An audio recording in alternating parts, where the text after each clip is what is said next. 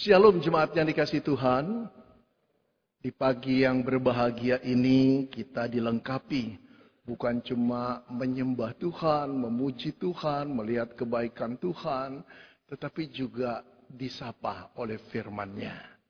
Yang pagi ini saudara terambil dari Yohanes 21 ayat 20 sampai dengan 25. Yohanes 21 ayat 20 sampai dengan 25. Saudara kalau tidak salah, uh, liturgi gereja kita ini sedang mengambil bagian dari Yohanes ya. Saya dapat yang terakhir, bagian penutup. Yohanes 21 ayat 20 sampai dengan 25. Demikianlah firman Tuhan. Ya, saya bacakan. Ketika Petrus berpaling, ia melihat bahwa murid yang dikasih Yesus sedang mengikut mereka, mengikuti mereka. Yaitu murid yang pada waktu mereka sedang makan bersama-sama duduk dekat Yesus dan berkata, Tuhan, siapakah dia yang akan menyerahkan engkau? Ketika Petrus melihat murid itu, ia berkata kepada Yesus, Tuhan, apakah yang akan terjadi dengan dia ini? Jawab Yesus, Jikalau aku menghendaki supaya ia tinggal hidup sampai aku datang, itu bukan urusanmu. Tetapi engkau ikutlah aku. Maka tersebarlah kabar di antara saudara-saudara itu bahwa murid itu tidak akan mati. Tetapi Yesus tidak mengatakan kepada Petrus bahwa murid itu tidak akan mati. Melainkan jikalau aku menghendaki supaya ia tinggal hidup sampai aku datang, itu bukan urusanmu. Dialah murid yang memberi kesaksian tentang semuanya ini dan yang telah menuliskannya dan kita tahu bahwa kesaksian itu benar. Masih banyak hal-hal lain yang diperbuat oleh Yesus, tetapi jikalau semuanya itu harus ditulis satu persatu, maka agaknya dunia ini tidak akan memuat semua kitab yang harus ditulis itu. Arahnya ke mana ya? Ke sana. Kalau ke surga saya tahu ke atas. Iya. Kepo, kepo, kepo. Hampir semua dari kita saya yakin tahu istilah apa itu istilah kepo. Yang keluar dari bahasa gaul. Konotasinya negatif. Artinya adalah perasaan keingintahuan yang besar tentang urusan orang lain. Betul ya? Itu kepo namanya. Saudara, sebetulnya perasaan ingin tahu di dalam diri kita, manusia itu wajar dan itu diberikan Tuhan. Tapi bukan perasaan ingin tahu urusan orang lain yang bersifat negatif atau konotasi negatif. Tuhan memberikan perasaan ingin tahu yang bersifat positif, namanya kuriositas. Itu diberikan di akal budi manusia, saudara. Dan itu membuat peradaban manusia maju. Dari yang tidak tahu jadi tahu. Dari yang sulit menjadi mudah. Dari yang tidak bisa menjadi bisa. Dari yang sakit menjadi sehat. Kemajuan peradaban itu muncul karena perasaan keingintahuan yang disebut kuriositas. Namun beda dengan kepo. Saudara kepo didorong oleh perasaan ingin tahu urusan, rahasia, kabar tentang orang lain. Biasanya orang lain itu bisa jadi orang yang kita kagumi, tapi bisa jadi juga saingan kita. Bisa jadi orang yang kita benci, kita perlu informasi lebih banyak. Tujuannya juga negatif. Setelah tahu disebarluaskan dengan topping-topping yang macam-macam. Jadi menarik bukan? Dan muncullah hoax yang bisa menyakiti orang lain. Saudara-saudara kepo sangat-sangat-sangat berbahaya. Kenapa dia pindah sendiri gambarnya? Ya. Saudara-saudara, kepo itu sangat-sangat berbahaya. Bukan hanya melanda kehidupan umum loh saudara, tetapi juga masuk kepada diri orang-orang Kristen. Ini yang tidak disadari. Kita ikut budaya dunia, mengembangkan kekepuan kita. Lalu juga bukan cuma itu, bawa masuk ke gereja. Jemaat cepat sekali untuk kepo saudara. Karena ladang yang subur memang gereja. Kepo itu disertai dengan doa. Jadi tambah tahu sebuah orang yang harusnya tidak boleh diceritakan. Dan bukan cuma ini, bukan cuma jemaat saudara, aktivis, majelis, hamba Tuhan ikut terlibat terlibat di dalam kepo yang luar biasa ini. Saudara, saudara yang dikasih Tuhan, kepo bisa menjadi oh, hal yang merusak mantan kita, mantan kita. Bagi pemuda, mantan kekasih kita sekarang jalan sama siapa? Ke mana aja dia pergi, ngapain aja. Kita klik medsosnya, kita buka Instagramnya, kita lihat TikToknya. Tapi kepo juga bisa terjadi pada mantan istri, mantan suami, mantan karyawan, mantan majelis, mantan hamba Tuhan, bukan? Mantan rekan pelayanan. Mata kita terus mencari informasi tentang dia. Saudara-saudara mencari informasi di dalam zaman modern bagus, informasi itu bernilai, informasi sama dengan money, bukan?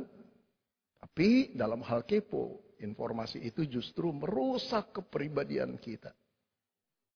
Merusak kerohanian kita.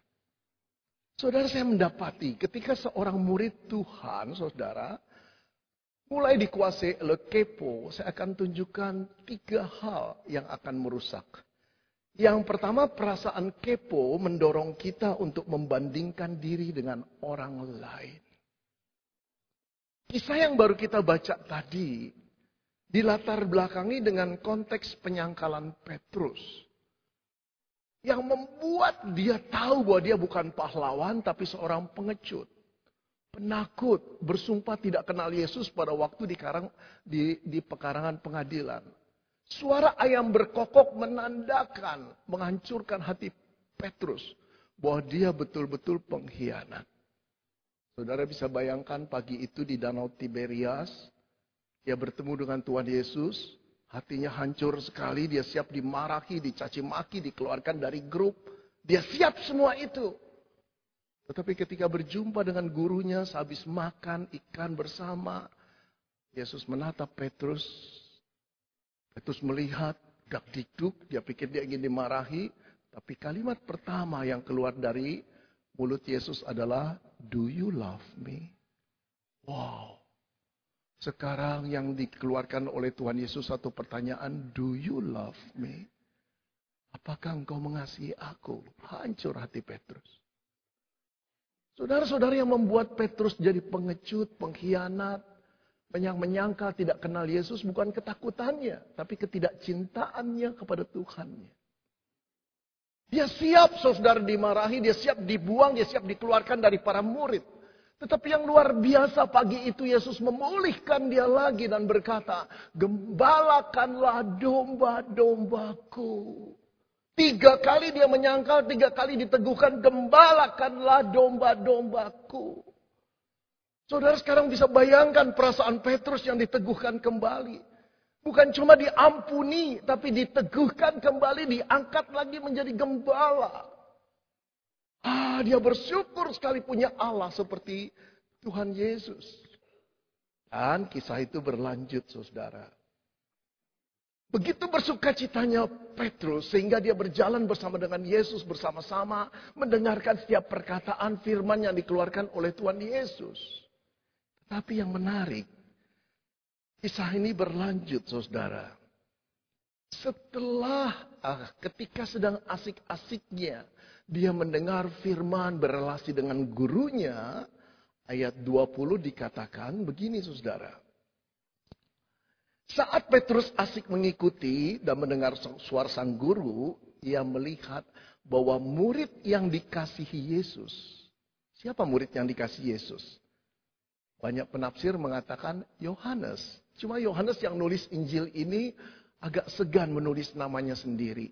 Dia lebih senang menulis murid yang dikasihi Yesus. Tapi saya kira semua murid Yesus juga merasa dikasih Yesus. Tapi ini ungkapan bahwa dia dapat kasih karunia dari Tuhan, disayang Tuhan. Dia tulis dirinya bukan Yohanes, tetapi dia menyembunyikan namanya, dia tulis murid yang dikasih Yesus. Saya baca lagi ya. Ia melihat bahwa murid yang dikasih Yesus sedang mengikuti mereka. belakang. Yaitu murid yang pada waktu mereka sedang makan bersama-sama dengan Tuhan Yesus datang dan berkata, Tuhan, siapakah dia yang menyerahkan engkau? Ini di malam perjamuan. Ketika Petrus melihat murid itu, ia bertanya kepada Yesus, Tuhan, apakah yang akan terjadi dengan dia ini? Kepo. Saudara Petrus baru diampuni, Petrus baru dipulihkan, Petrus baru diberikan kembali jabatan seorang gembala. Dia sedang asik menerima firman dari Tuhannya. Sebetulnya di situlah dia sedang bertumbuh saudara. Tetapi pertumbuhannya terganggu ketika dia kepo dengan seorang murid lain yang bernama Yohanes. Tuhan, apa yang terjadi kemudian dengan dia? Saudara-saudara yang dikasih Tuhan, kita tidak jelas motivasi Paul eh, Petrus bertanya seperti ini. Kita nggak mengatakan kenapa sih dia kepo sama nasibnya atau masa depannya Yohanes. Cuma kita pikir ada dua kemungkinan. Kemungkinan yang pertama, Petrus menganggap Yohanes itu bestinya. Teman baiknya, teman karibnya. Baru saja Tuhan Yesus berkata, Petrus, ketika engkau tua, orang akan mengingkat tanganmu, pinggangmu. Itu identik dengan menyeret Petrus. Seperti orang membawa dia ke salib. Artinya Tuhan menubuatkan ketika engkau tua, usianya sampai tua, dan Petrus dipakai Tuhan menjadi gembala, kemudian kelak penderitaan itu akan datang. Dia akan mati di salib. Saudara saya tidak tahu Petrus dengar itu bangga atau sedih. Tapi perasaan keponya memburu. Kalau dia gimana Tuhan? Bestinya. Kalau memang Yohanes dianggap bestinya. Ada perasaan ingin tahu. Perasaan ingin tahu itu sebetulnya diam-diam mulai membandingkan. Kalau nasibku seperti ini, nasibnya dia gimana? Tuhan adil gak? Tapi kemungkinan yang kedua, saudara, Petrus bukan menganggap Yohanes bestinya. Petrus menganggap Yohanes itu rivalnya, kompetitornya, saingannya. Yang dari dulu dia itu jealous. Kok ini murid yang disayang Tuhan? Aku disayang enggak ya? Dia selalu berusaha menunjukkan dirinya hebat. Nah sekarang dia dinubuatkan oleh Tuhan satu kali kelak di hari tuamu kau akan disalibkan. Lalu dengan perasaan suka atau tidak suka, barangkali dia melihat, kalau dia gimana Tuhan? Saudara-saudara perasaan kepo membuat kita membanding-bandingkan diri kita dengan orang lain. Mau tidak mau. Tapi lihat jawaban Tuhan. Jikalau aku menghendaki supaya ia tetap tinggal hidup sampai aku datang. Itu bukan urusanmu. Tetapi engkau ikutlah aku. Saudara perhatikan jawaban ini nadanya negur bukan? Bukan nada bersahabat. Baru saja Tuhan memulihkan Petrus. Sekarang dia bertanya kepo tentang orang lain. Yesus berbicara dengan nada teguran, itu bukan urusanmu. Artinya apa? Petrus, konsentrasilah engkau sebagai murid. Menjadi murid itu berarti mengikuti Yesus. Sampai paradigma guru itu menjadi paradigmanya. Perkataan gurunya menjadi perkataannya. Perilaku gurunya menjadi perilakunya. Dengan kata lain dia akan menjadi serupa dengan Yesus. Tetapi perasaan kepo akan menghancurkan tujuan itu. Yang kita pikirkan adalah hal yang negatif tentang orang yang menjadi kita pikir saingan kita kah? Kita pikir itu teman baik kita kah? Nasibnya bagaimana? Walaupun nanti teman baik kita merasa tidak adil kalau dia diperlakukan lebih baik oleh Allah daripada kita, bukan? Apa sih untungnya kepo itu? Lalu Yesus berkata, tetapi engkau ikutlah aku. Mengikuti Yesus itu perlu fokus. Mengikuti Yesus perlu konsentrasi. Dan saudara tahu tidak? Kita dilahirkan oleh Tuhan. Kita dilahirkan kembali oleh Tuhan. Kita diangkat menjadi hamba oleh Tuhan. Bukan untuk berkompetisi dengan orang lain. Setelah Adam dan Hawa jatuh dalam dosa, jiwa kompetisi itu muncul. Kakak adik saling berkelahi, lalu saling membunuh. Pada dasarnya enggak, saudara. Itu sebabnya saya kadang-kadang terperanjat kalau ada seorang anak, saudara, pulang sekolah ditanya maminya. Pulang matematikmu dapat berapa? Dapat delapan, mami. Bagus. Anak mami. Bukan anak papa, anak mami. Lalu maminya tanya, si Yohanes dapat berapa? Yohanes 10, mami. Bego kamu, kenapa kalah? Saudara-saudara, anak itu diciptakan Tuhan bukan untuk menjadi kompetisi, kompetitor sesamanya. Bukan. Jangan tanamkan ajaran-ajaran paradigma yang nggak benar seperti itu. Anak-anak diciptakan Tuhan seperti kita diciptakan Tuhan. Untuk mengasihi sesamanya. Menolong orang yang kekurangan. Ketika perasaan kepo itu dikembangkan saudara. Apa yang terjadi? Kita mulai membanding-bandingkan diri dengan orang lain. Setelah membanding-bandingkan apa? Kalau tidak muncul iri hati, karena dia lebih unggul, atau muncul keminderan. Kenapa aku nggak bisa seperti itu?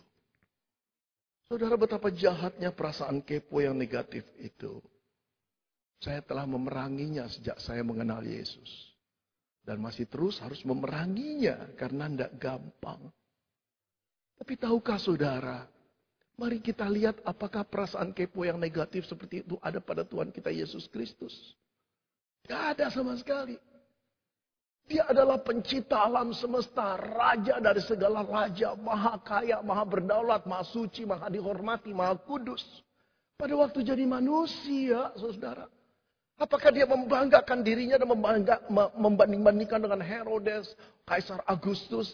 Dia, dia nggak peduli itu. Ketika dia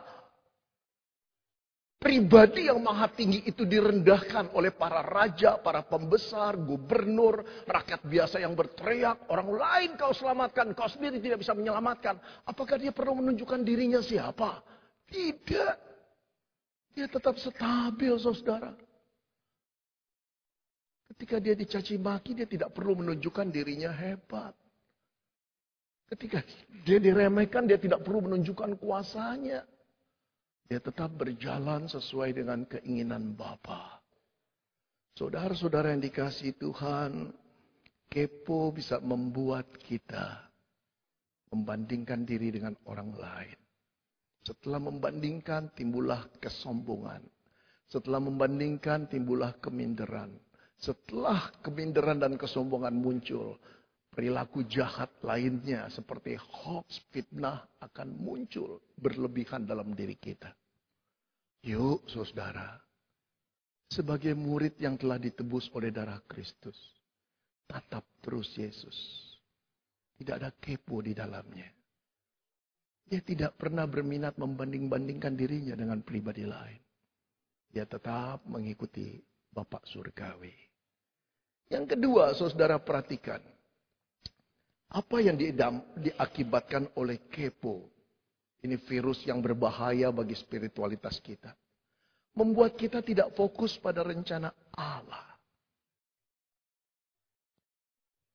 Saudara pemulihan Petrus dari kejatuhan merupakan satu pembaruan hidup bagi Petrus. Penyangkalannya tidak membuat Yesus kapok. Pengkhianatan Petrus tidak membuat rencananya gagal. Dia bukan guru yang patah arang, bukan guru yang mudah uh, mengalami kegagalan. Dikumpulkannya lagi sang murid, termasuk si pengkhianat ini. Kemudian direnovasinya, dipulihkannya saudara. Sampai pulih kembali lalu dipercaya, gembalakanlah domba-dombaku. Sekaligus dia memberikan satu nubuat. Bahwa kelak ketika engkau sudah tua. Dengan kesetiaanmu engkau akan mengalami sedikit nasib yang sama seperti aku tersalib. Cuma di dalam ketidaklayakan Petrus, Petrus meminta disalib terbalik. Itu ada di dalam sejarah gereja. Ditulis oleh bapak-bapak gereja. Dan itu jadi kebenaran. Nah saudara-saudara dengan kata lain, Allah punya rencana terhadap hambanya yang bernama Petrus. Tetapi Allah juga punya rencana terhadap murid yang dikasihi, yang ditanya. Petrus itu loh yang kepo. Kalau dia nanti apa yang terjadi Tuhan? Masing-masing sudah punya petaknya sendiri-sendiri di tangan Allah. Allah yang berdaulat itu sudah menentukan masing-masing bagian jadi apa, akan dipakai seberapa jauh, seberapa hebat, sekaya apa, sepinter apa.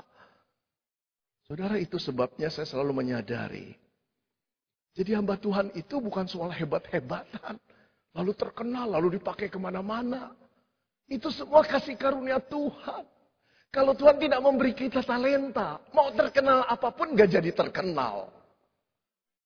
Kalau Tuhan sudah beri kita talenta, karunia, dan memang ditetapkan untuk menjadi orang yang pergi ke mana-mana. Mau diem di rumah pun tetap saja disuruh pergi sama Tuhan. Oleh karena itu saudara, kita harus rileks untuk melihat tangan Tuhan mengerjakan rencananya dalam hidup kita. Jangan berurusan dengan pengen tahu dia jadi apa. Saudara-saudara yang dikasih Tuhan, Lihat jawaban Yesus. Jikalau aku menghendaki supaya ia tinggal hidup sampai aku datang. Itu bukan urusanmu. Artinya apa? Petrus, aku Allah yang berdaulat. Tidak usah kamu tahu rancanganku terhadap dia. Itu urusan aku. Nah saudara kita harus memaklumi ini. Ada kedaulatan Tuhan pada masing-masing bagian hidup orang. Ada orang yang pandai matematik. Belajarnya sedikit selalu dapat 10. Kadang-kadang 11, 12 saudara. A plus, plus, plus, plus. Karena dosennya kagum sekali. Tapi ada orang yang punya jiwa seni yang begitu rupa. Kalau soal seni serahkan sama dia indahnya luar biasa. Ada orang yang begitu karunia dalam musik. Buat apa jor-joran sama sama seseorang yang diberi karunia Tuhan begitu banyak dan kita nggak punya? Tapi tahukah engkau, saudara, bahwa kita juga dimiliki oleh Tuhan dan diberi Tuhan karunia. Daripada musingin orang, gali yang Tuhan beri. Kalau saudara memang ditetapkan Tuhan untuk jadi pembisnis 10 miliaran, Saudara mau naik ke triliunan. Barangkali akan menghabiskan dan mengorbankan waktu hidup saudara dan juga keluarga saudara. Buat apa? Nikmati saja apa yang Tuhan beri. Bersyukur setiap kali dapat. Ada kesempatan kita coba. Siapa tahu Tuhan beri. Tapi tidak jor-joran dan selalu memata-matai orang gitu. Apa rahasianya? Apa rahasianya? Pengen tahu lalu dijelek-jelekan. Begitu juga dengan pelayanan gereja bukan? Saudara-saudara yang dikasih Tuhan, kalau kita tahu bahwa kita bekerja pada Bapak yang sama, kerajaan yang sama, seperti ayah kita yang baik, tidak membanding-bandingkan lima anaknya. Masing-masing diberi karunia yang sesuai dengan maksud ayah kita. Gak perlu iri kok. Kalau nanti warisan kita cuma dikasih ladang, karena ayah kita tahu bakat kita petani. Kalau kita dikasih mesin pabrik, ayah kita tahu. Kita memang teknisi. Kalau kita diwariskan distribusi jalur-jalur marketing, karena ayah kita tahu kita pandainya di sana. Saudara-saudara ini membuat kehidupan kita di mata Tuhan terus bertumbuh seperti Yesus. Ayo jangan kepo. Jangan kepo saudara-saudara. Itu yang membuat rencana Allah gagal dalam kehidupan kita. Saudara saya tertarik sekali ketika membaca sebuah kesaksian yang ditulis oleh Warren W. Wiersbe. Barangkali sebagian dari saudara sudah kenal, tapi nanti saya ceritakan. Dia bercerita ketika saya SMP, saya paling minder kalau disuruh olahraga. Dan kalau guru milih tim voli, tim basket, soccer, saya pasti tidak terpilih. Kalau sudah nggak ada pemain cadangan, baru saya dimasukkan. Saya tahu benar, saya sebetulnya nggak dihitung. Lain dengan keponakan saya, sepupu saya maksudnya. Eh, itu badannya tegap, otot-ototnya keras, maco, selalu dipilih. Tapi saya Dia berkata, sepupunya selalu bagian yang terakhir. Pernah saya dicengkram oleh perasaan iri hati begitu rupa. Gadis-gadis juga tidak pandang saya karena laki-laki yang kayaknya lemah. Tapi aku tahu, dia bilang, Tuhan memberikan aku DNA bukan untuk jadi atlet. DNA bukan untuk orang yang mahir dalam keterampilan tangan. Tuhan memberikan aku DNA yang lebih dalam berpikir dan menulis dan berbicara. Saudara-saudara kelak Tuhan memanggil dia menjadi hambanya. Sekarang menjadi penulis yang luar biasa produktifnya saudara. Diterjemahkan bukunya di banyak bangsa, bahasa, negara. Kemudian dia menulis komentar yang begitu bagusnya. Jadi pembicara dunia. Saudara-saudara Warren Wisby tidak tidak lagi iri hati dengan sepupunya yang lebih hebat dibanding bintang olahraga. Dia mulai menyelidiki aku lebihnya di mana, Tuhan kasih apa. Dan dia merasa aman, dia kembangkan di sana. Jangan marah kalau Tuhan cuma kasih kita satu talenta dalam satu bidang. Asal talenta itu benar-benar kita kerjakan, itu maksimal di mata Tuhan. Jangan marah kalau cuma dua talenta. Asal dua talenta itu kita kerjakan baik-baik, itu sudah maksimal di mata Tuhan. Jangan berkata kalau lima talenta baru saya kerjakan. Wow. Saudara menarik sekali. Seminggu yang lalu, hari Sabtu saya baru ke Jakarta, Jumat baru ke Jakarta. Selama lima hari saya melatih para pendeta HKBP di Tarutung berkhotbah. Ada 30 pendeta yang memang dipanggil khusus untuk bisa KKR. Istilah mereka KPI, Kebaktian Pembangunan Iman. Seorang ibu, saudara, di akhir hari kelima itu angkat tangan. Pak Beni, saya mau tanya ya Pak secara pribadi. Mohon Bapak jawab, ini penting buat saya pribadi. Ya Bu, kenapa? Dari hari pertama saya ngikutin Pak Beni sampai kedua. Saya heran kok ada hamba Tuhan yang bisa ngomongnya begitu bagusnya Pak. Tertata rapi. Kamu, Bapak ngomong tidak seperti kami keras. Bapak ngomong begitu halus tapi nusuk tajam Pak. Dan gak bisa kami lupakan di sini. Itu gimana cara ngaturnya? Saudara saya bilang, Ibu, tahukah Ibu? Betapa irinya saya sama orang-orang Batak. Sejak saya masuk Sampai hari kelima, saya kagum-kagum dan bersyukur pada Tuhan. Tuhan, orang Batak, orang Timur, orang Ambon, orang Manado, itu dikaruniakan Tuhan bakat bahasa yang luar biasa. Saya enggak bu, saya bukan language person. Saya menulis kutipan di Facebook, di Instagram, 12 tahun bu. Setiap tulisan saya terus berlatih. Gimana ya bisa jadi singkat, bisa sederhana, bisa mengena. Saya kayak gini karena melatih, Bu. Saudara-saudara, kalau saya tidak melatih diri dan berkata, ah, aku nggak punya bakat bahasa. Saudara tahu Pak Bobi Tikwalo? Itu dosen saya. Saudara tahu Pak Stephen Tong? Itu dosen saya. Karunia bahasanya. Saudara tahu Ibu Ramiati, saya sampai kagum-kagum. Ada pengkhotbah wanita yang kalau khotbah nggak pernah salah kata-katanya. Saya sampai bilang, lu kalau khotbah bagus sekali sih, kok nggak salah-salah? Itu bukan saya, saudara. Saya kalau ngomong keserimpet, apa yang saya pikir keluarnya lain, bahasa Inggrisnya kacau balau. Tapi saudara biarlah. Kalau Tuhan memberikan aku karunia satu talenta, yuk kita garap satu talenta itu. Kenapa kepo dengan orang lain? Saudara ketika kita kepo dengan orang lain, rencana Allah akan terhambat dalam diri kita. Asik-asik aja dengan diri sendiri. Itu bukan berarti nggak boleh perhatiin orang lain. Enggak. Kalau orang perlu ditolong, tolong. Tapi kepo, negatif. So, saudara yuk kita jadi wujudkan apa yang rencana Allah telah buat dalam diri kita. Jangan kepo dengan orang lain. Yang terakhir, saudara, mari kita lihat. Kepo itu virus yang berbahaya sekali untuk spiritualitas kita. Kenapa? Perasaan kepo, saudara, membuat kita gagal dalam meninggikan Tuhan. Karena fokusnya diri, karena membanding-bandingkan terus.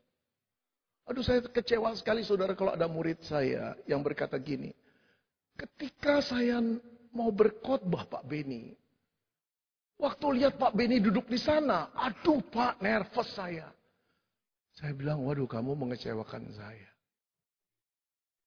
Dari awal kelas berkhotbah saya bilang, jangan pusing dengan siapa yang mendengar kamu. Orang besar, orang kecil, jumlahnya banyak, jumlahnya sedikit, layani baik-baik. Kamu yang ditunjuk Tuhan jadi duta Kristus.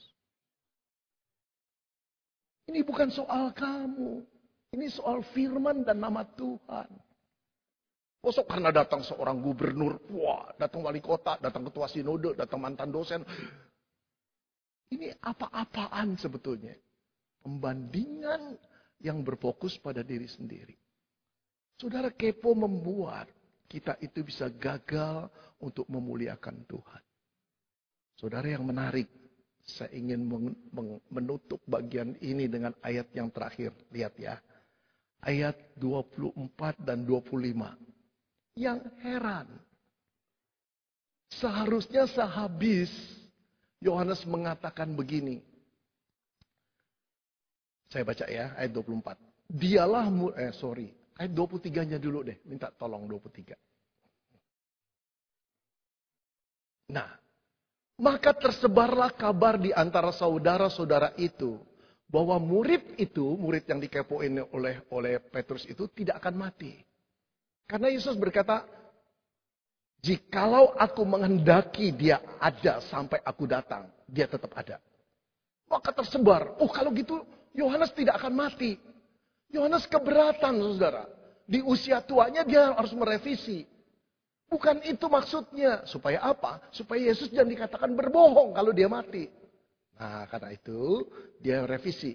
Tetapi Yesus tidak mengatakan kepada Petrus bahwa muridnya itu tidak akan mati. Melainkan Jikalau satu kondisional, aku menghendaki supaya ia tinggal hidup sampai aku datang, itu bukan urusanmu. Oke? Seharusnya tutup sampai di sini sudah. Injil Yohanes selesai.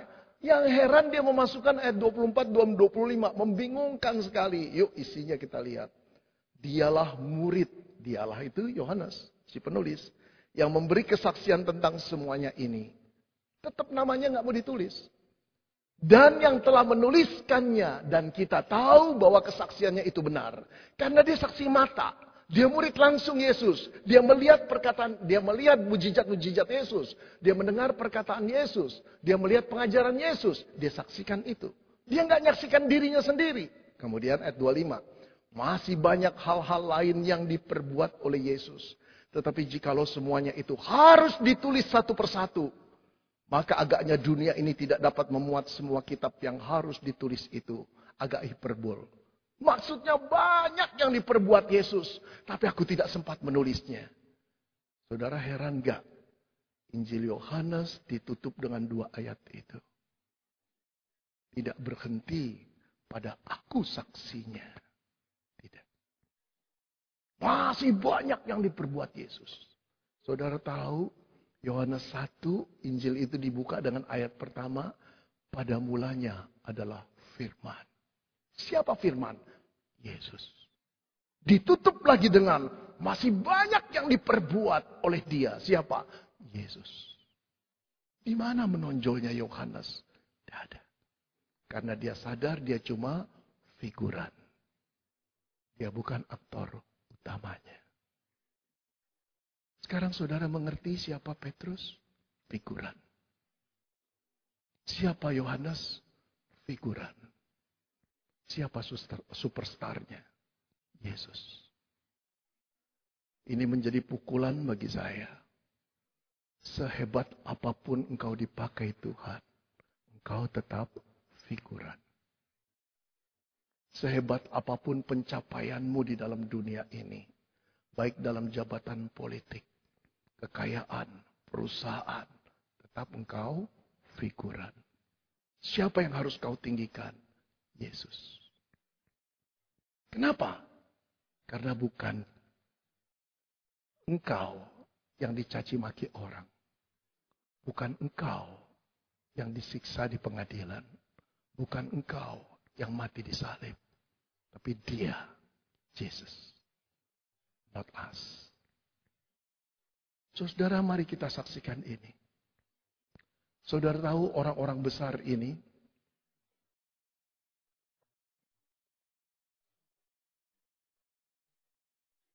Ya. Nah. Saudara lihat orang-orang besar ini yang disebut Billy Graham.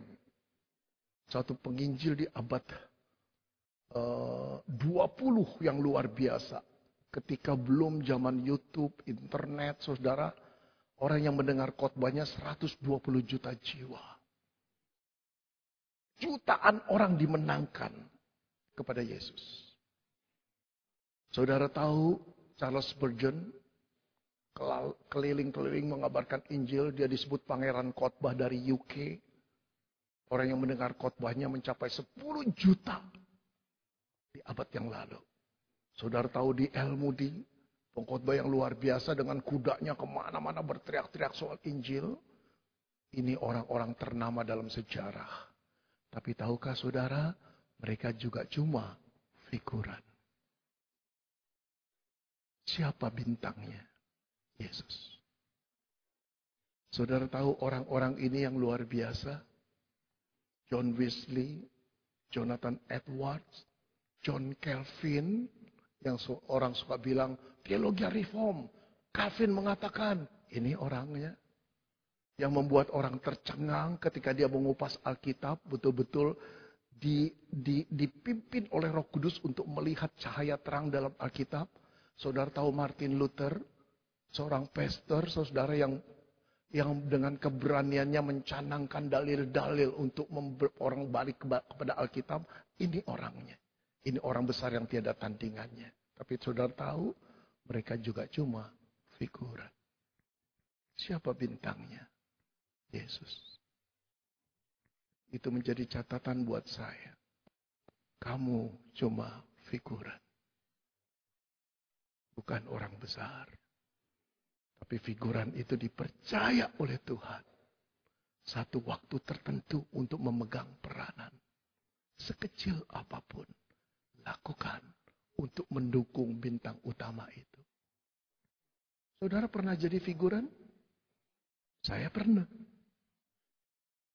Gereja saya GKI Gunung Sari, saudara. Terkenal dengan vokal grup Yeriko. Kami masih sama-sama muda. Saya kenal pemimpinnya. Saya berkali-kali bilang, ajak saya main dong. Ben, lu nyanyi fals. Lu main sandiwara nggak bisa. Udah lu nonton aja. Ya ampun, udah lu bagian dekor katanya. Angkat-angkat barang. Satu kali ada kantata Natal, operet, operet Natal. Pas yang jadi orang majus, sakit, nggak bisa latihan. Ben, Mau gak lo ikut operet? Oh iya betul, boleh-boleh. Jadi apa? Jadi orang majus. Oke, siap.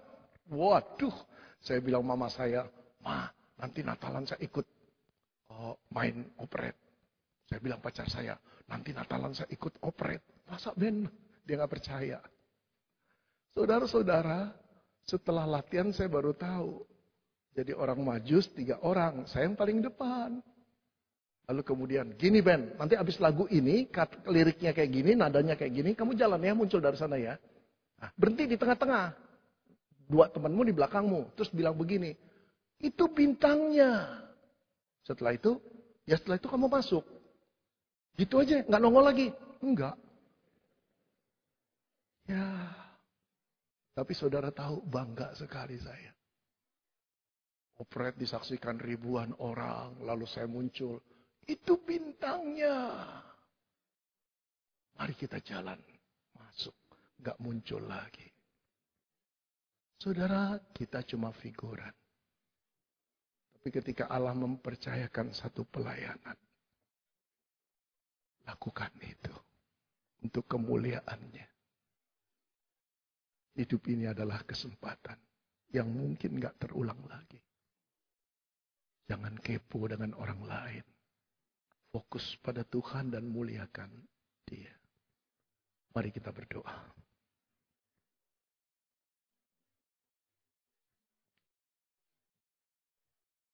Kami adalah orang-orang beruntung Tuhan. Yang dilimpahi dengan begitu banyak berkat dan talenta. Tapi sering kali paradigma kami, perkataan kami, perilaku kami tidak mencerminkan kasih karunia yang berlimpah dalam diri kami. Kami masih sering ingin tahu kalau dia apa yang terjadi dengannya Tuhan. Kami masih ingin mendapat informasi. Orang yang menjadi saingan kami, pribadi yang membuat kami iri, padahal kami mempunyai peran Walaupun kami hanya figuran. Tuhan kami ingin memakai hidup yang kau berikan sebagai kesempatan untuk memuliakan Tuhan. Karena itu kuduskan hati kami, kuduskan pikiran kami.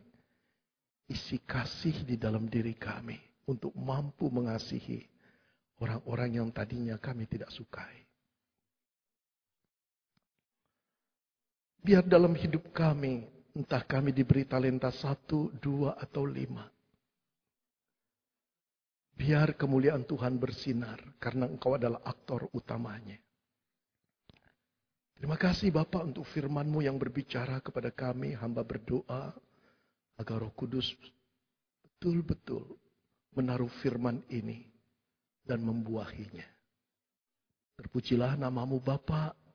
Dalam nama Tuhan Yesus kami berdoa. Amin.